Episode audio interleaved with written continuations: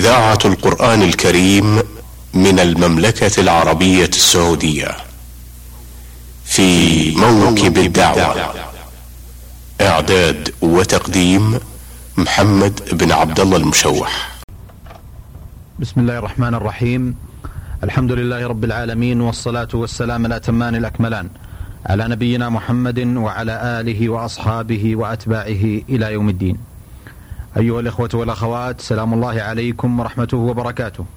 وأهلا وسهلا بكم في هذا اللقاء الجديد من برنامجكم في موكب الدعوة. يسرنا أن يكون ضيفنا في هذا اللقاء ولهذا الأسبوع أحد دعاتنا البارزين ومشايخنا الأفاضل الذين لهم جهدهم وقدمهم في الدعوة إلى الله سبحانه وتعالى ونشر العلم وتبليغه بالحكمة والموعظة الحسنة. ضيفنا الكريم هو صاحب الفضيلة الشيخ عبد الرحمن بن حماد العمر الداعية المعروف والذي لا أملك في مطلع هذا اللقاء إلا أن أرحب بفضيلته فأهلا وسهلا بكم. حياكم الله. وبالإخوة المستمعين وأسأل الله سبحانه وتعالى أن يوفقنا جميعا لما يرضيه إنه جواد كريم. والله المستعان وصلى الله وسلم على نبينا محمد. اللهم صل على محمد. آه، شيخ عبد الرحمن الحقيقة في آه، كل لقاء من هذه اللقاءات المباركة التي تجمعنا بعلمائنا ومشايخنا ودعاتنا آه، دائما وفي كل لقاء نحب أن نعود إلى الوراء قليلا لنستمع إلى البدايات الأولى.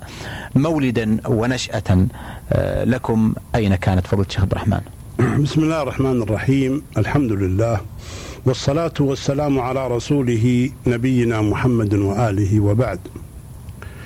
ولدت في بلدة روضة سدير في اليوم السابع عشر من شهر صفر سنة آه، أربع وخمسين وثلاثمائة وألف.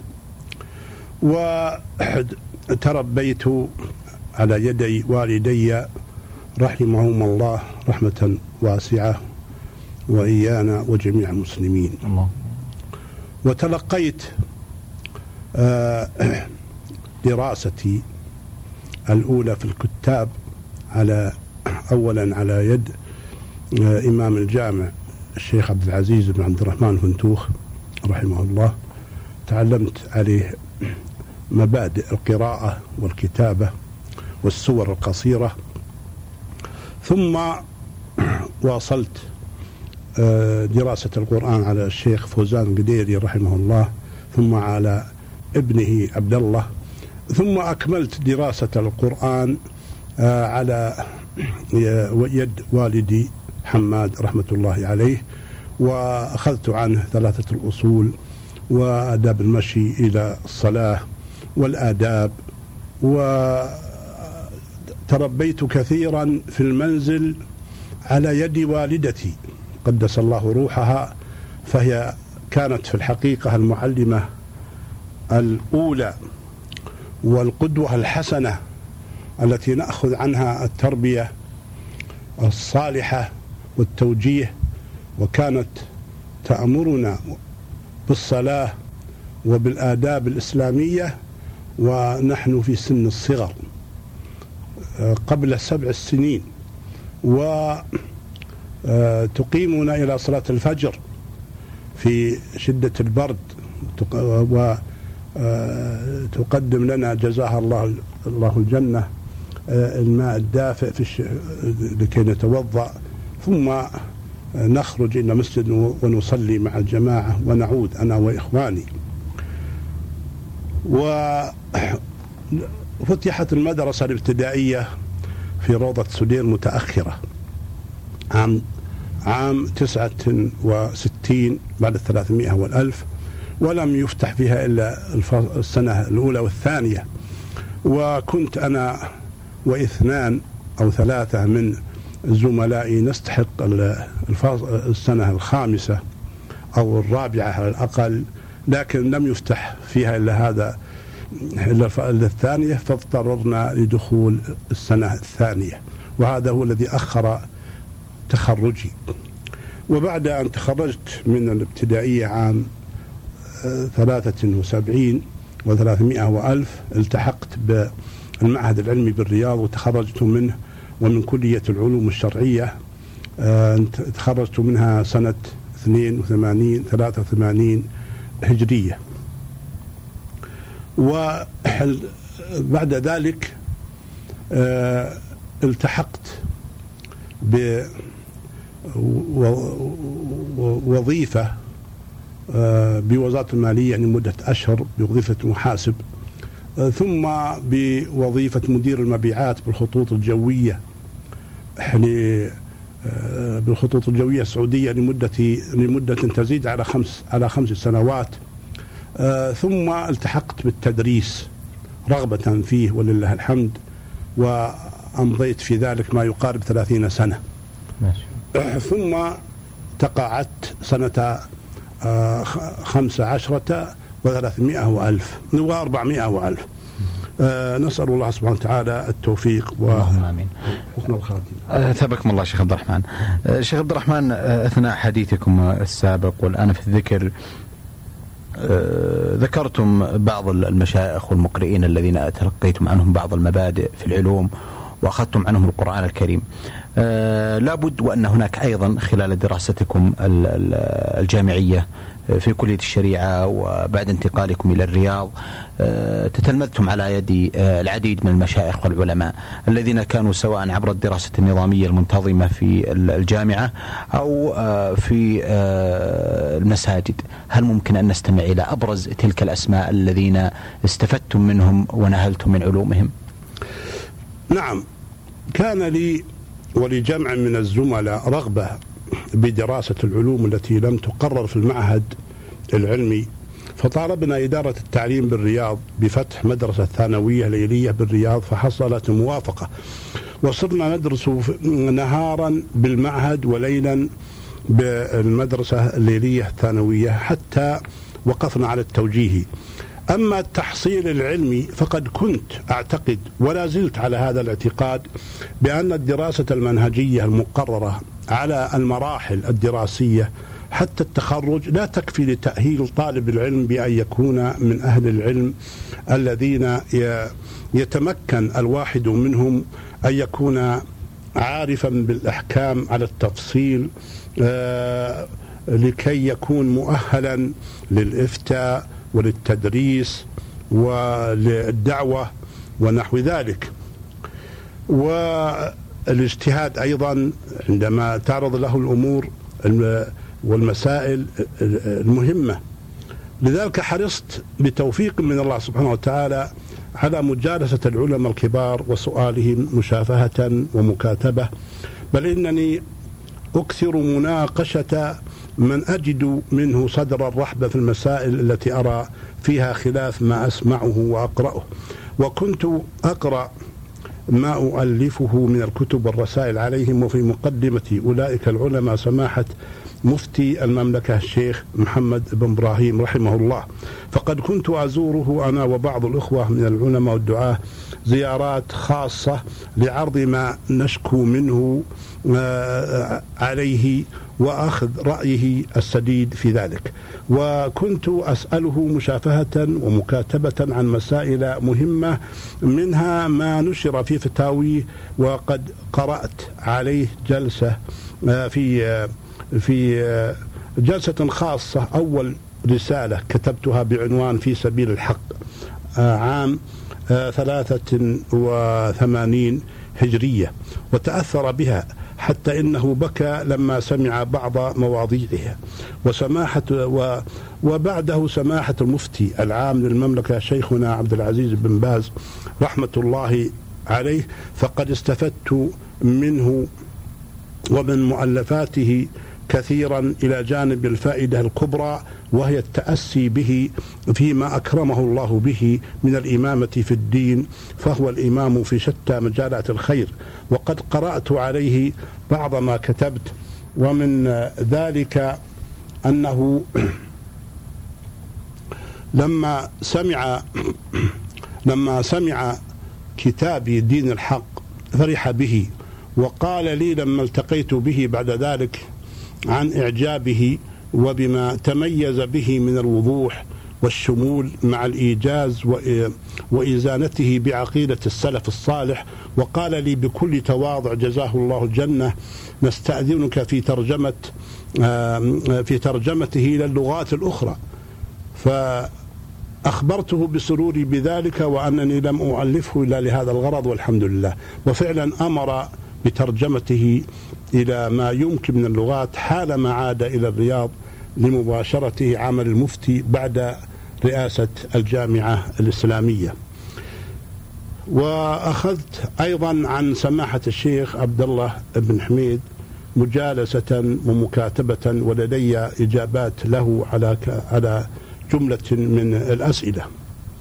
وممن أخذت عنهم واستفدت منه كثيرا الشيخ عبد الرزاق عفيفي رحمة الله عليه فقد كان أستاذا لنا في أصول الفقه في كلية الشريعة وشيخا أستفيد منه كثيرا في منزله وفي مكتبه بدار الإفتاء وقد قرأت عليه بعض من مؤلفاتي وممن أخذت عنه واستفدت من مؤلفاته العلامة الشيخ محمد الأمين الشنقيطي صاحب أضواء البيان وقد حصل مني اعتراض عليه في مسألة تلقين الميت في القبر وذكرت له أن ذلك آه، بدعة لا دليل عليه وأن حديث التلقين خاص بالمحتضر قبل الغرغرة وكتبت له بذلك لما كان في مدرسا في الجامعة الإسلامية بعد طبع الجزء السادس من الأضواء ونشر وأن ونشر ذلك الموضوع فيه.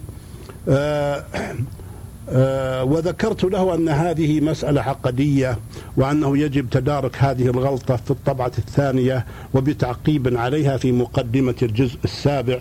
وقد أخبرني الشيخ بكر أبو زيد آه، أنه قد آه، عرض عليه كتابي وقال إن عبد الرحمن يرى أن مسألة التلقين عقدية وهي فقهية فهو لم يقتنع يقتنع بأنها عقدية.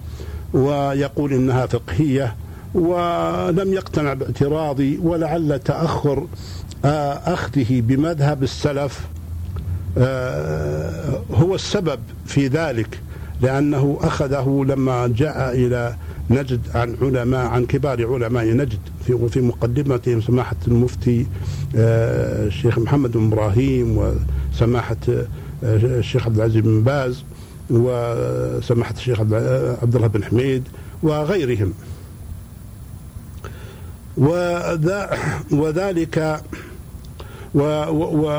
وممن أخذت عنه أيضا واستفدت من كتبه العلامة المحدث ناصر الدين الألباني رحمه الله وكذلك آه، العلامة عبد الله بن عقيل فهو من الفقهاء المدركين وكذلك الشيخ سليمان بن بن حمدان رحمه الله رحمه الله وقد كتب لي إجازة بمؤلفاته وبحديث الرحمة المتسلسل إلى النبي صلى الله عليه وسلم.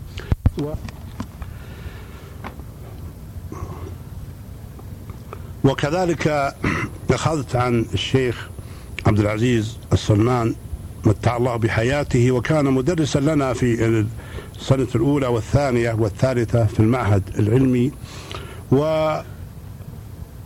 وممن استفدت منه كثيرا فضيلة الشيخ إسماعيل أنصاري رحمه الله وقد قرأت عليه كتاب الإرشاد إلى توحيد رب العباد واجتهد في تصحيح بعض عباراته وتخريج بعض أحاديثه أما الشيخ محمد بن صالح بن عثيمين فقد أخذت عنه واستفدت منه كثيرا في دروسه ومجالسه ومن مؤلفاته كما استفدت كثيرا من شيخه العلامة عبد الرحمن بن سعدي ولم أجالسه لكني استفاد لكن استفادتي من كتبه فقد كان رحمه الله مجتهدا مطلقا.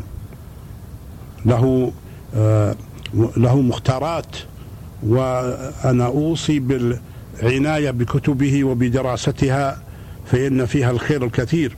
كما استفدت كثيرا من الشيخ الفاضل عبد الرحمن بن ناصر البراك فكان نعم الجليس والمفيد. وكذا الشيخ صالح بن علي الناصر رحمة الله عليه والشيخ صالح الفوزان. كما استفدت من المشايخ عبد العزيز الشثري وعبد العزيز المرشد وعبد الرحمن القاسم رحمة الله عليه وعليهم أجمعين ومن غيرهم استفدنا كثيرا والحمد لله. نسأل الله أن يرزقنا الإخلاص والقبول والتوفيق والعلم النافع. وأما الأئمة السالفون وعلى رأسهم الإمام أحمد بن حنبل آه، إمام أهل السنة وشيخ الإسلام ابن تيمية وتلميذه ابن القيم والإمام المجدد محمد عبد الوهاب وأبناؤه وأحفاده المحققون. فهم في نظري مشايخنا الأول وقدوتنا ومؤلفاتهم في مقدمة ما أقرأ وأستفيد منه. وها و و و و وأيضا آه لا نقف عند هذا الحد بل كل من وجدنا في مؤلفاته وفي مجالسه للخير استفدنا منه والحق والحق آه، ولا يعرف الحق بالرجال وإنما الرجال يعرفون بالحق. والحق هو ضالة المؤمن نسأل الله يجعلنا وإياكم ممن يطلبه ويأخذه ويعمل به. كذلك استفدنا من الشيخ العلامة والداعية المعروف عبد الرحمن آه، بن محمد الدوسري قدس الله روحه ونور ضريحه إنه سميع مجيب نعم. ولا أزال أشعر بالنقص وأنني في حاجة إلى المزيد من العلم أسأل الله أن يرزقنا التوفيق والسداد وصلى الله وسلم على نبينا محمد. شيخ عبد الرحمن أيضا آه، ننتقل إلى جانب مهم. آه، لكم ولله الحمد آه، نشاط في الدعوة إلى الله سبحانه وتعالى. هذا النشاط أعلم ويعلم الكثير من الإخوة أنه قديم وسابق ويمتد لأكثر من ثلاثين عاما. كيف كانت بدايتكم بالدعوة إلى الله سبحانه وتعالى وحماسكم ورغبتكم في المشاركة فيها؟ بدايتنا في الدعوة وأنا أعترف على أي حال بالتقصير هذا واجب لكننا نحمد الله الذي وفقنا للقيام ببعض هذا الواجب كانت بدايتي آه، تأسيا بوالدي رحمه الله وبجدي عبد الرحمن وإن لم أدركه لكن جدي كان آه، داعية وكان يأمر معروف وينهى عن المنكر ويعظ الناس ويذكر الناس وله مواعظ بليغة.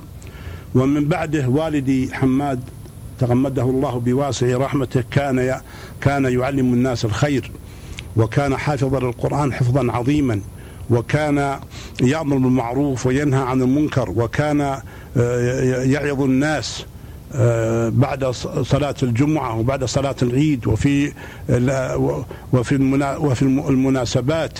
وكان وتأثرت بذلك. ثم لما أتيت إلى الرياض و آه، آه، حصل مجالسة المشايخ والإخوان الدعاة إلى الله سبحانه وتعالى. حصلوا لله الحمد التأثر والرغبة في هذا الجانب.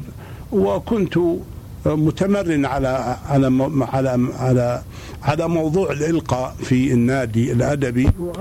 وأقصد بالنادي الادبي نادي المعهد العلمي والكليات آنذاك. وبدانا بدأنا في آه، قبيل التخرج من المعهد العلمي إلقاء بعض النصائح والتوجيهات آه، في آه، المساجد وخصوصا بعد أن انتقلت إلى الكلية. وبدأت في أيضا في التأليف. وألفت أول رسالة بعنوان في سبيل الحق. وصل لها ولله الحمد. تأثير واهتمام. وبعد ذلك آه، آه، تبعها المؤلفات الأخرى وهي آه، كتاب في سبيل بعد بعد سبيل الحق الارشاد إلى توحيد رب العباد. هذا كتاب لله الحمد له قبول ومنتشر يقع في 120 صفحة تقريبا من قطع متوسط وكتاب الإرشاد إلى طريق النجاه وكتاب هذه هي الاشتراكية لما كانت الدعوة آنذاك لهذا لهذا المبدأ الهدام. وكتاب الجهاد وكتاب الذكرى ومجموعة نصائح وكتاب دين الحق. وهو كتاب ولله الحمد صار له ولله الحمد قبول نسأل الله القبول. وترجم إلى لغات كثيرة تزيد على خمسة على خمسة على خمسة على خمسة عشرة لغة. وكتاب الجريمة الجنسية وعلاجها وعقيدة أهل كتاب عقيدة أهل السنة والجماعة وهذا في أصله محاضرة علق عليها سماحة الشيخ عبد العزيز بن باز واستحسنها كثيرا. ومن المؤلفات التي تحت الطبع آه، حقيقة دعوة الإمام محمد بن عبد الوهاب رحمه الله وكتاب هذه هي الديمقراطية وكتب أخرى. أسأل الله أن يعين على إخراجها وأن يجعلها عملا خالصا وصوابا ومقبولا لديه إنه سميع مجيب. اللهم آمين. آه، الشيخ عبد الرحمن الحقيقة بعد هذه الجهود المباركة والموفقة في الدعوة إلى الله سبحانه وتعالى يعني آه، سواء في مؤلفاتكم أو في نشاطكم الدعوي في محاضراتكم وغيرها آه، ننتقل إلى جانب آخر من من من هذه الأمور. وهو تذكرون بعض الزملاء الذين رافقوكم في رحلتكم العلمية في دراستكم إبان الكلية أو إبان الدراسة الأولى في الثانوية وغيرها أو بعض الزملاء الذين لا زالت لكم بهم صلة وعلاقة قوية تربطكم بهم بعض المجالس آه، الأخوية والعلمية. والله هذه مسألة تخوني فيها الذاكرة مع الأسف. لست من الناس اللي لديهم ذاكرة قوية لكنني أذكر أن من المشائخ والإخوان الذين كنا رفقة سويا نحن وإياهم في رحلاتنا الدعوية آه، الشيخ عبد الرحمن بن عبد الله الفريان والشيخ يوسف المطلق والشيخ يوسف الملاحي وال آه، والشيخ إبراهيم آه، بن غيث وكذلك مجموعة من من الإخوان مثل الذين كنا كانوا رفقة لنا ومشجعين لنا عبد الله بن غيث رحمه الله والد الشيخ آه، عبد الله آه، إبراهيم الغيث وكذلك آه، حمد اليحيى الله يحسن لنا وله الخاتمة سليمان القاسم وصالح الفيز كل هؤلاء من الإخوان الذين يشجعون على الدعوة ونجتمع معهم ونستفيد من آرائهم وخبراتهم وكذلك آه، من الدعاة عبد الله آه، بن مسعود وإبراهيم بن عتيق وغيرهم كانوا آه، نجتمع, نجتمع نحن وإياهم وفي ويحصل ولله الحمد تشاور ونستفيد من خبراتهم لأنهم أكبر منا سنا وخبرة. وإلى جانب لقائنا بمشايخنا الكبار سماحة الشيخ عبد العزيز بن باز وقبله سماحة الشيخ محمد بن إبراهيم والدعاة مثل الشيخ عبد الرحمن الدوسري رحمه الله. فقد كان كان كنا نجتمع نحن وإياه وكان كثيرا ما يطلب مني المنبر ويخطب في مسجدنا ونستفيد من خطبه. وكذلك ال ال ال الأخوة الذين آه، قاموا بالدعوة في آه، الجهات الأخرى مثل الأخ الشيخ سليمان الفايع والشيخ سعيد بن مسفر القحطاني و والشيخ ناصر العمر والشيخ صالح على الشيخ وزير الشؤون الإسلامية وفقه الله سدد خطاه و وغيرهم كثير. لكن آه، الإحاطة بأسمائهم وذكرهم فيه شيء من الصعوبة إلا أنني أسأل الله يجمعنا بهم في جنات النعيم وإياكم ومن يسمع وأن يثبتنا على بالقول الثابت أنه جواد كريم. اللهم آمين. آه، شيخ عبد الرحمن آه، أيضا يعني لابد وأن لكم أشياء أو ذكريات أو مواقف معينة كانت لكم في حياتكم الأولى آه، لا تغيب عن الذاكرة كما يقولون آه، وتبقى محفوظة محفورة آه، هل تذكرون شيء معين شيخ عبد الرحمن في ذلك؟ قبل أن أذكر ذلك الشيء الذي تفضلتم بطلبه أذكر أشخاصا نسيت أن أذكر ما لنا ما بهم من اجتماع واستفادة وتآخي و أيضا في مجال الدعوة وعلى رأسهم الشيخ الفاضل عبد الرحمن بن ناصر البراك والشيخ صالح آه، بن فوزان الفوزان وغيرهما. وأما مسألة الذكريات التي مرت بنا في أيام الطفولة وما بعدها في سن مثلا العاشرة والثانية عشر والثالثة عشر فهي ذكريات ذكريات الحقيقة فيها عبرة. منها أننا في ذاك الوقت آه، في آه، وقت آه، تقشف من العيش وقلة ذات يد. لم يأتي البترول بعد ولم يتوسع الناس في المصاريف وكنا نمشي يعني نعيش في القرى هناك وحتى أهل المدن نفس الشيء إلا النادر القليل وإلا فالجميع لا يركبون سيارات و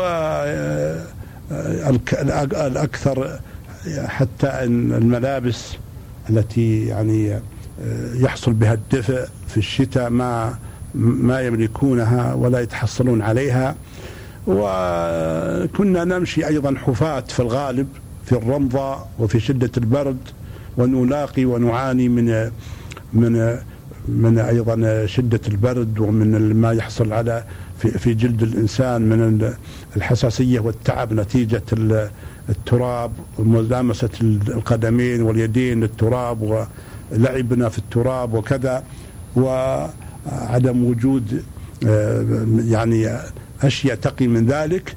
فكنا نتعب ولكننا تأقلمنا على هذا الشيء و آه، عليه. وهكذا في, في أيضا في البيوت كانت حياة تقشف في الفراش في الأكل في كل شيء. آه، ولكنها حياة آه، على العموم جميلة وسعيدة. قد ألفناها والحمد لله لم يمسنا جوع. ولا عري لكننا في كذلك أيضا من الذكريات التي مرت بنا في تلك المرحلة أننا نفرح ما يأتي من الأمور التي يفرح بها الأوائل ومنها مثلا الربيع إذا أتى فكنا نخرج آه، على أقدامنا إلى البر نأخذ الزنبيل والمحش ونقشعه ونجمع العشب ونأتي به لما عندنا من مثلا البقرة والغنم ونفرح بذلك وكذلك أيضا كنا آه، أيضا إذا جاء الجراد وهذه أيضا من الأمور الغريبة نعم. التي كنا نفرح بها سابقا ونخرج وخرجنا ذات مرة من المرات أنا وأخي عبد العزيز آه، قال لنا أحد آه، جارنا أن فيه يسمونه مسمار يعني شوي قليل والكثير منه يسمونه رحى. لأن فيه مسمار في مكان قال له القري مسافة 2 كيلو عن البلد تقريبا ولا يسوى أن يبلغون الناس لأن الناس يطلبون ويؤاخذون الذي ما يبلغهم ويصيح. يقول يا جراد ترى الجراد في المكان الفلاني يصير عليه عتاب شديد وربما عقاب من قبل الأمير ومن قبل كذا. فهم لكن إذا صار شيء قليل جدا يخبرون به أفراد. أفراد. إيه؟ فخرجنا في آخر الليل باقي ثلاث ساعات على الفجر أو تقريبا أربع ساعات. أه، ما طبعا في ذاك الزمان ما في عشاء ما نتعشى. غير ناكل بعد صلاة العصر وجبة. هي الغداء وهي العشاء. نعم. وفطور خفيف في الصباح. مع طلوع الشمس. خرجنا على أكلتنا بعد بعد العصر. على أساس انه في في القري القري قريب. نعم. ونبي نرجع بعد ساعتين ثلاث يعني بعد الفجر راجعين. آه لما وصلنا في ذاك المكان أنا لازم في سن يمكن 15 أو 14 وأخوي في سن يمكن 12 أو 13 آه ما رأينا ما وجدنا الجراد ورأينا آه آه نور آه، في في الأفق بعيد جدا. أنواع آه، نور آه، نار موقدة نعم. آه، في مكانين أو ثلاثة. نعم. فقالوا وكان اللي معنا حوالي سبعة أشخاص أو ثمانية كلهم من في سن 25 و30 أقوياء وأشداء وهالفلاحة وهالقوة. قالوا الجراد عند أهل عند أهل الضوي العيال. صار نبي أركضوا. وصرنا نركض في خلفهم. نعم. في هالليل في هالظلمة في ها في هالليل. ولا وصلنا ذلك المكان اللي فيه الجراد إلا طلوع الشمس. وركض كل الليل. فلما وصلنا وجدنا بعد جراد يسمونه تهامي بعد ما بعد صار مكن. نعم. إيه المقصود حصلنا اللي لنا على يمكن في أكياسنا على خمسة كيلو عشرة كيلو بالكثير. ولم ولما طار طلعت عليه الشمس وطار جينا عاد راجعين على أرجل أرجلنا. نعم. فالرجعة هذه أدركنا المشقة والصعوبة وبعد المكان اللي وصلنا إليه. كان المكان اللي وصلنا إليه في العبلة. مكان ما يقارب تقريبا بعده حوالي 15 أو 17 كيلو عن البلد. أي. فرجعنا ولا وصلنا إلى إلى إلى إلى البلد إلا بعد الظهر. الله. طيب بعد الظهر. وجدنا الوالد رحمة الله عليه خارج خارج البلد يتلقانا ف في الحال أخذ من فوق رؤوسنا الجراد وشاله عنا ورحنا عد أكلنا الميسور. آه، عوضا عن الفطور وعوضا عن العشاء وعوضا عن الغداء حق التعب اللي أي. حصلت، نعم. فأقول هذه من الذكريات والعجائب اللي نعم، كنا نعم. آه، كنا أولا نتمتع بها والآن أصبحت وفيها غريبة وفيها يعني في الحقيقة وهي في الحقيقة إنها فيها آه، تمرين وفيها رياضة وفيها. تقوية وفيها أيضا ت- تعويدا على النشاط وعلى الخبرة وعلى الجلد وعلى المشقة إلى آخره. نعم نعم. يعني هذه من ضمن. الرئاسة اتنافس عليها أنا وهو. والباقيين ما كنا نفكر فيهم. نعم. فهو آه، أشد مني حافظة، كان يحفظ جميع الدروس من من بسم الله الرحمن الرحيم إلى الخاتمة. وصلى الله على محمد. عن ظهر قلب. حتى التاريخ تاريخ بني أمية وتاريخ بني العباس والجغرافيا وكل شيء يحفظه عن ظهر قلب. أنا أحفظ بعض الشيء لكنني آه، ما ما أقدر أحفظه. فأضطر إني أذاكر أكثر منه.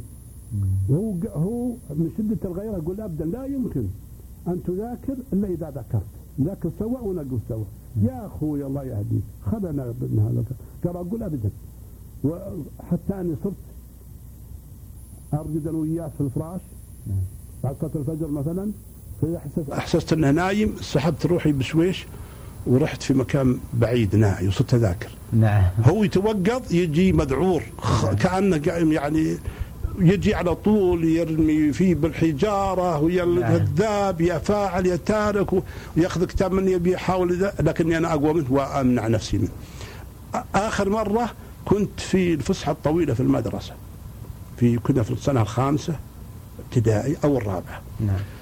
فكنت أذاكر في كتاب تحت أثلة في حوش المدرسة صاده نعم. هو يوم هو فتش عني ما وجدني يوم وإحنا في الفسحة. فراح يبحث عني وجد شافني وأنا ما انتبهت له. جاء يركض من خلفي ومسك الكتاب من يدي وقطعه. شقق الكتاب. والكتاب ذاك الوقت عزيز كنا نقول نشتريه نعم. بفلوس. قليل. وجيت وشكيت على الوالد الله يرحمه. نعم. ما حبيت اني أضربه. نعم. يوم شكيت على الوالد قال نقول للمدير يأد- يأدبه. نعم. فاللي حصل جابها المدير ويحطه في الفلكة. نعم. ومسكوه بالقوة وضربوه كم عصا. نعم. كلها عشان إيش؟ على هذه المنافسة. نعم، نعم. ليش؟ فهذه حقيقه من ال... فأنا قلت أنت كنا ما- لما أتذكر أقول لو كان توجيه الشباب وإلى الآن يجب ان يعني يوجد هذا هذا هذه التنافس الشريف. يعني هذا التنافس وهذه وهذا التفرغ أيضا النفسي نعم. والجسمي ها والفكري مو- موجود إلى الآن ليه ما توجه مثلا الطاقات لحفظ كتاب الله ولحفظ الأحاديث وللعلوم النافعة نعم أحسنت فهذه هذه يعني الحقيقة من الأمور التي كنت أتذكرها ومؤثره في أثابكم الله. آه، شكر الله لكم شيخ عبد الرحمن. في الحقيقة بودنا أن نسترسل معكم في العديد من ال- ال- الجوانب المهمة من حياتكم وذكرياتكم والمواقف الطيبة التي لديكم. آه، لكنني أرى أن وقت الحلقة في الحقيقة آه، لا يسعفنا بالمزيد من ذلك. آه، هل لكم من كلمة ختامية في ختام هذا اللقاء؟ لي كلمة أوجهها إلى وزير المعارف والرئيس العام لمدارس البنات والمسؤولين في هذه الجهتين الهامتين. ومن لهم الأمر فوق ذلك. وهو أن المناهج الموجودة الآن في المملكة وفي العالم العربي مع الأسف آه، مناهج تحتاج إلى تعديل. ولم يراعى فيها جانب لم يراعى فيها جانب التخصصات وال وال وأيضا الهواية للطالب والطالبة. فكل طالب وكل طالبة لديهم قدرة ولديهم آه، يعني نبوغ في شيء مثلا من من المواد. نعم. فهذا في الرياضيات هذا في اللغات هذا في العلوم الدينية هذا في آه، مثلا الكيمياء والجيولوجيا هذا في كذا. فالمفروض أن ماد ان التخصصات يفتح بابها من بعد التوسط مباشرة. نعم. من بعد التوسط مباشرة. فالذي لديه القدرة و آه، الهواية والرغبة في في التخصص في الرياضيات خلاص يتخصص الرياضيات. اللي عنده الرغبة في اللغات في اللغات. اللي عنده الرغبة مثلا وال وال وال والمرونة في انه يتخصص مثلا في العلوم الدينية في العلوم الدينية وهكذا في بقية العلوم بحيث أنه يختصر تختصر المرحلة الجامعية والمرحلة الثانوية في خلال ثلاث سنوات. الإنسان لما يركز من ذكر أو أنثى دراسته في العلوم اللي هو يهواها ويحبها ويرغبها وناجح فيها يبي يحصل فيها التحصيل الكبير الذي ما يحصله في خلال المراحل الطويلة هذه. نعم. فهذا يقتصر يقصر عليهم مدة الدراسة ومدة والعناء وكذلك أيضا مسألة التدريس المدرسة. يجب أن أن تعطى في حدود نص جدول ما يطول عليها. ولو نقص راتبها مقابل ذلك حتى يتسع المجال أكثر والتقاعد يجب أنه يقصر. في خلال عشر سنوات تعطى التقاعد المبكر 20 سنة بالكثير خلاص تعطى التقاعد الكامل ولو بنقص في الراتب. نعم. هذه آه، باختصار يعني هذا شكر الله لك. شكر الله لكم شيخ عبد الرحمن. في الحقيقة نشكر لكم آه، هذه الكلمات الطيبات والمباركات آه، وإجابتكم لدعوة البرنامج. وأسأل الله سبحانه وتعالى أن يبارك في جهدكم وعملكم ووقتكم وعمركم. آه، أيها الإخوة والأخوات كان حديثنا في تلكم الدقائق الماضية مع صاحب الفضيلة الشيخ عبد الرحمن بن حماد العمر والذي تفضل مشكورا بالحديث عن جوانب مهمة من حياته ومشاركاته وعن آه، طلبه للعلم وعن مشايخه وزملائه وأعماله ومؤلفاته. آه، نسأل الله تعالى أن يبارك للشيخ وأن يجزيه خير الجزاء على ما يقدم ونلقاكم بإذن الله تعالى على خير في مثل هذا اليوم من الأسبوع القادم. والسلام عليكم ورحمة الله وبركاته. في موكب الدعوة إعداد وتقديم محمد بن عبد الله المشوح.